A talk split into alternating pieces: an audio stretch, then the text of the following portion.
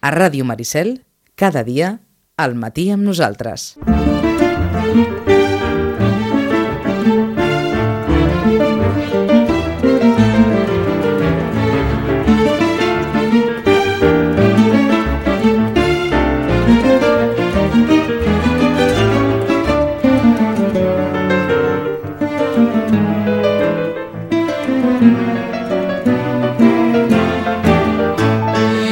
Perquè l'edició de llibres no para. I, per tant, hi ha molt on escollir. Moltes novetats, molta novel·la per esvergir-se una mica, per esbravar-se una mica. No és temps per llegir Dickens, per exemple, sinó per, per coses més, més lleugeres. Tenint en compte tenint en compte el que ens avisen. I quan avisen tantes vegades, malament rai. Rosana, bon dia i bona hora. Hola, molt bon dia. No sé pas què, què, què ens hauries de recomanar avui pels propers dies. Hola? En, Se, se, en... se'n, se'n, va, va el... Sembla que se'n va el so, no? eh, jo et sento perfectament. Ah, bé, perfecte. Sí? Doncs, bueno, què ens hauríem de recomanar? Vist, vist el que ha de venir, uh, vist el que ha de venir, no sé què ens podria recomanar. Jo què sé, el, el quadern gris per llegir-lo d'una tirada en 15 doncs, dies. Bueno, uh, penseu que, bueno, el quadern gris sempre és bo agafar-lo i allò, el tens allà a l'estanteria i de tant en tant doncs l'agafes, el tornes a deixar Saps i què? el tornes a disfrutar. Saps eh? què és el que estic fent? Perquè he pensat, dic, no és un llibre per fer-lo d'una tirada, eh, el quadern gris. No, és per, no, per no. agafar, deixar, per agafar, deixar, per agafar, deixar.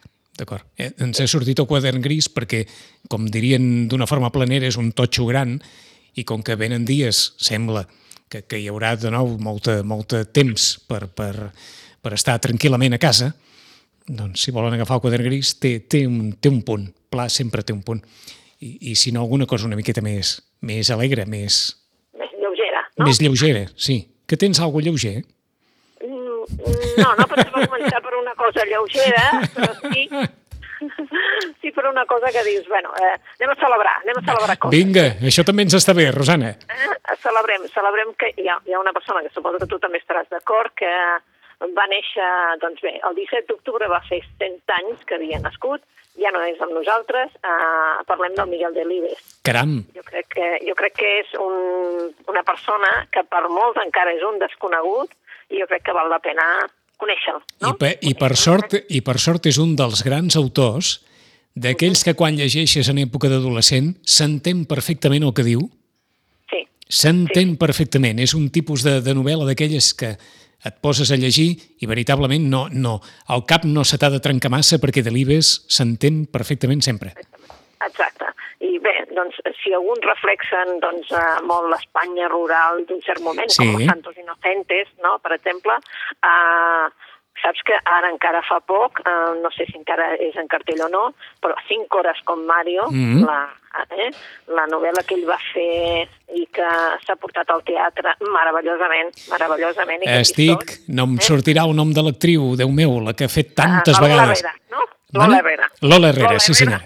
Exacte. I doncs, eh, bé, doncs pensa que ara han fet eh, l'editorial que sempre va ser la seva, en aquest que, cas, si te'n recordes, era un senyor que va dir que per molts xecs que li posessin a sobre, ell es quedava amb destino i no passava a Planeta. Eh? La, la, la mala sort va ser que després li van comprar l'editorial i va venir Ja no ho va a- poder a fer. Ja no va poder fer. Però, en definitiva, eh, s'ha fet doncs, una mica... Destino li ha fet eh, tots els llibres, així, la nova portada, per dir-ho d'alguna manera, ha anat fent tots els llibres i també és cert que els llibres en butxaca, per això et dic que ara, per 9 euros, eh, per 8,95 et pots llegir la majoria dels llibres de, Caram. del Miguel de, de Libes, eh, amb butxaca, amb unes portades molt maques, perquè fins i tot la de 5 hores com Mario veus la figura així que seria la Lola Herrera o no, però Sí. eh, d'una dona en una cadira i amb la mà al cap, doncs, queixant-se. Uh, jo crec que és un autor que per aqu... si és que algú ha d'estar aquests dies no, que tu dius que vindran, per aquests dies que vindran, que ojalà no, però... Mm? Però, doncs bé, doncs aquests dies que vindran doncs, és un autor per, per tastar-lo, no? per dir, a veure, a veure què va llegir aquells que no, o per rellegir-lo si el tens a casa. Sí, sí, perquè eh, si, si, si Cela costa, Delibes no costa. exacte. Exactament, ara ho has dit. Eh? Cela... Cela, Cela, Cela fa una mica de respecte. Exacte, però en canvi agafes qualsevol llibre de, tant dels, de la primera època, que reflexarien doncs, això, l'Espanya dels 60-70, eh, com els de l'última època que va fer, que inclús, doncs, no sé, una novel·la com l'Hereje, per exemple, que la, l'hem disfrutat moltíssim, no? Mhm. Llavors, doncs, eh, diguem-ne que és un autor que va ser molt prolífic, eh? un autor molt també arrelat, també ho hem de dir, arrelat a la natura, i potser hi haurà alguna cosa doncs, que, que, que d'ell no hi participaries, perquè també era un home molt arrelat a la natura, molt arrelat a la caça, Eh, etcètera, sí. etcètera, i això potser no hi participaries, però en definitiva és un autor com per realment tenir-lo en compte aquests dies, no? Doncs si algú vol intentar per aquests dies o, o per sempre, o feia temps que no llegia res de Delibes o fins i tot no, no s'hi ha posat mai, de Miguel Delibes, bona part de la seva obra, 8 euros amb 95, amb butxaca, acabat de- d'editar, o sigui que una bona recomanació. Per on seguim? Bueno, seguim bé per una novel·la que, malgrat que no és molt alegre, diguéssim, sí que et posa aquella, aquella coseta en el cor de que, doncs, de vegades, doncs, doncs de, si tens l'un a l'altre, doncs ja és molt. Es diu L'apicultor d'Alep, d'Alepo, eh? Mm? i ens la porta Christy Leffery, eh? que és filla de refugiats xipriotes i, de fet, ella va créixer a Londres, però és filla de refugiats. La- L'apicultor d'Alep és un dels cinc llibres així escollits per la crítica i tal, dient que és una de les de les millors novel·les que s'ha publicat a, en, en, en anglès, uh, ens parla de dos personatges, realment. De dos personatges. Un és el Nuri, que és un apicultor, i la seva dona, que és l'Afra. Eh? Uh, L'Afra és uh, una persona amb molta sensibilitat artística i, bueno, mm, de fet tenen una, una vida molt senzilla, uh, envoltats doncs, a la ciutat d'Alep, ells viuen a Alep, i bueno, tenen uns amics, tenen el que tindria una família normal, diguéssim, fins que passa el que passa, mm, i tot el que ells estimen, tots els que estimen, queda tot destruït per la guerra, i ells es veuen obligats a escapar. Uh, de fet, l'Afra s'ha quedat cega per culpa de les atrocitats eh? i comencen un, un viatge cap a Turquia, cap a Grècia, per acabar a Londres, que és on el, el Nuri, i té un cosí que s'ha pogut establir, i llavors doncs, pensen que allà trobaran refugi. Bé, és una novel·la que ens parla de dues persones, dues persones que podien ser qualsevol, no?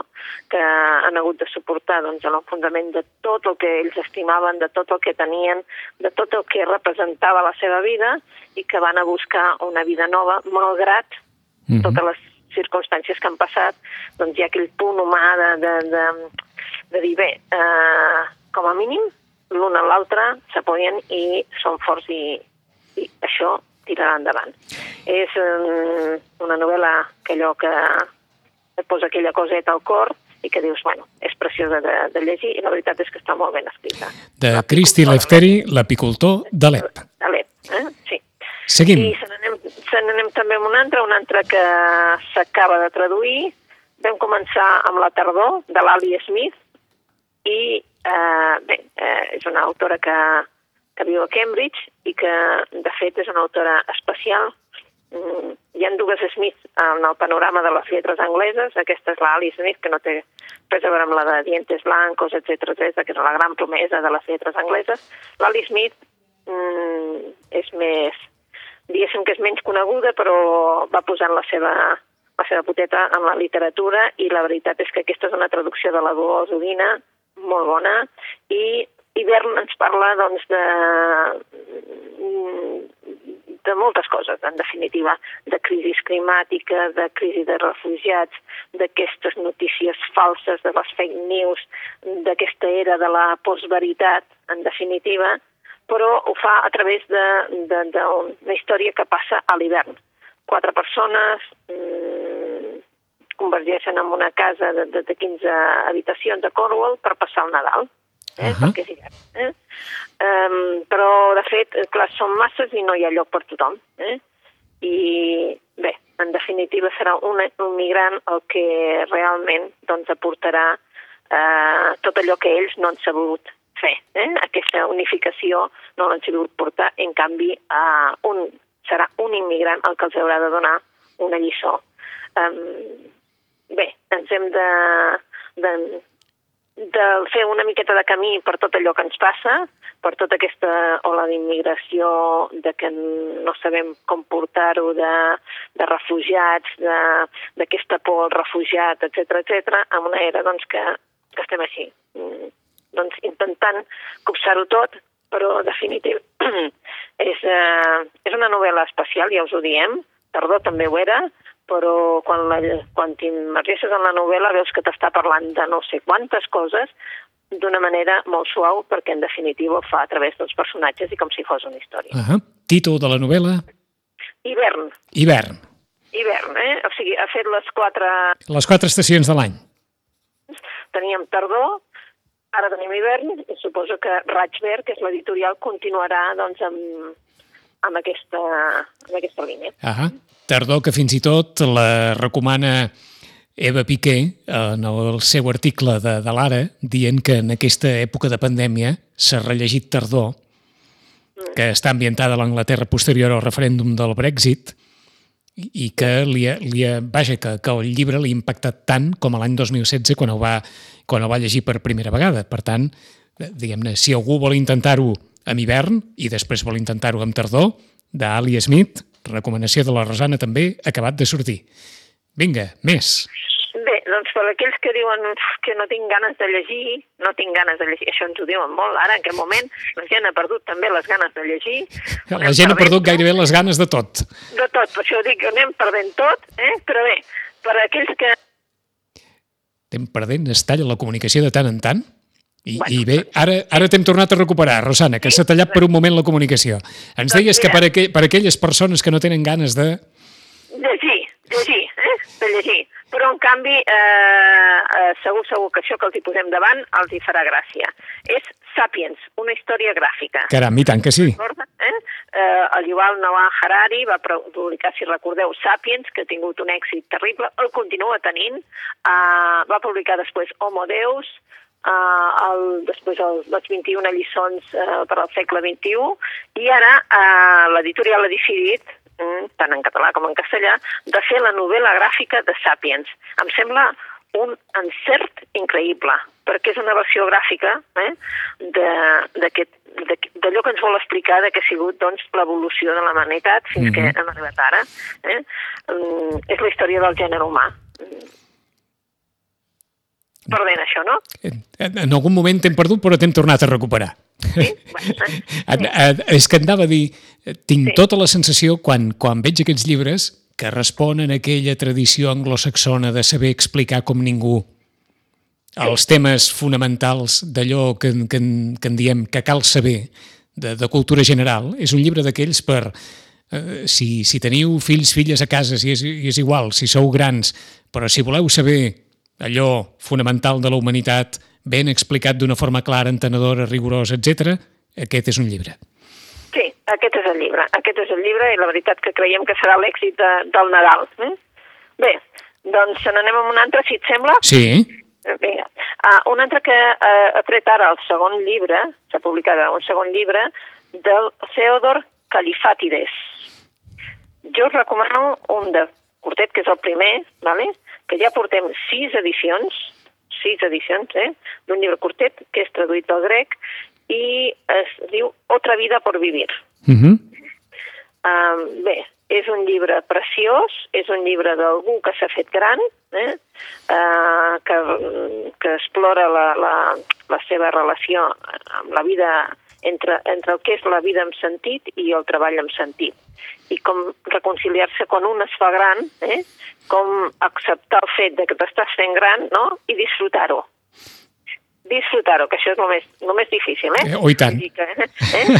Però, però, evidentment, eh, quan t'has fet gran has passat una mica evident, per una sèrie d'anys, has passat per moltes coses, que és el que passa amb la gent gran, quan tu penses en tot el que han passat la gent gran i ara estan passant la pandèmia, penses, mare de Déu, que, que, que ens haurien d'explicar aquesta gent perquè han passat molt, no? I, I tant. I, doncs eh, aquest, ell el que fa és un senyor que vivia, a, a, ell és grec, però se'n va anar cap a Suècia, va criar el fill de Suècia, i ara, quan és gran, doncs pensa que, que ha de tornar a, a, a, als seus orígens per, veu, per veure què, no? Per veure què, què li suposa tornar als orígens i, i fer aquesta tornada als orígens per veure si pot fer un repàs de tot. Eh?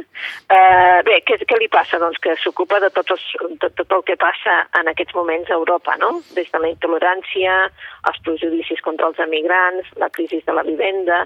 Penseu que ell, malgrat és un home amb, diguéssim, que ha tingut un èxit de, eh, com, a, com a professor, etc a Suècia, clar, no deixa ser un emigrant, i per tant ho veu d'una altra manera com Està ho podíem clar. veure. Eh? Eh, un llibre preciós, molt curtet, però que val molt la pena, i ara ens acaba de publicar Mares i fills. Mm? Bé, mm, per què? Perquè com que ell eh, el que feia era visitar la seva mare, que té 92 anys, eh?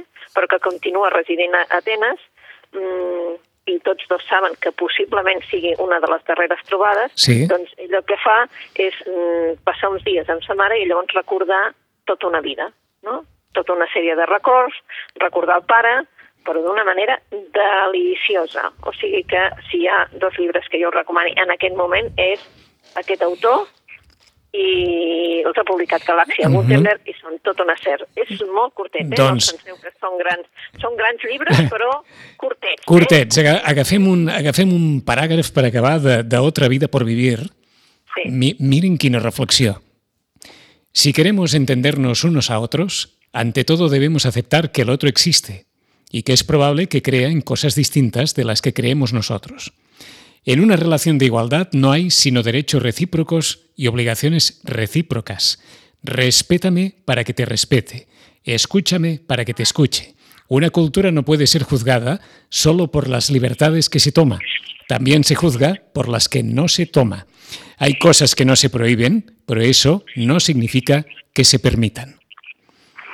Si el llibre és així, ja, ja es poden, es poden calçar perquè és una lectura, com deia la Rosana, curta però intensa. I això és d'Otra vida por vivir. El que ens presentava la Rosana és Mares i fills. Per tant, el binomi dels dos llibres ens pot servir per passar uns bons dies. Ara veure si d'aquí dues setmanes podem saludar la Rosana, a veure com estem tots plegats i a veure, quina, i a veure quines recomanacions ens porta en una nova edició d'aquest petit espai de lectures recomanades. Rosana, bona lectura. Fins d'aquí 15 dies. Bona Adéu-siau. 15 dies. Adéu.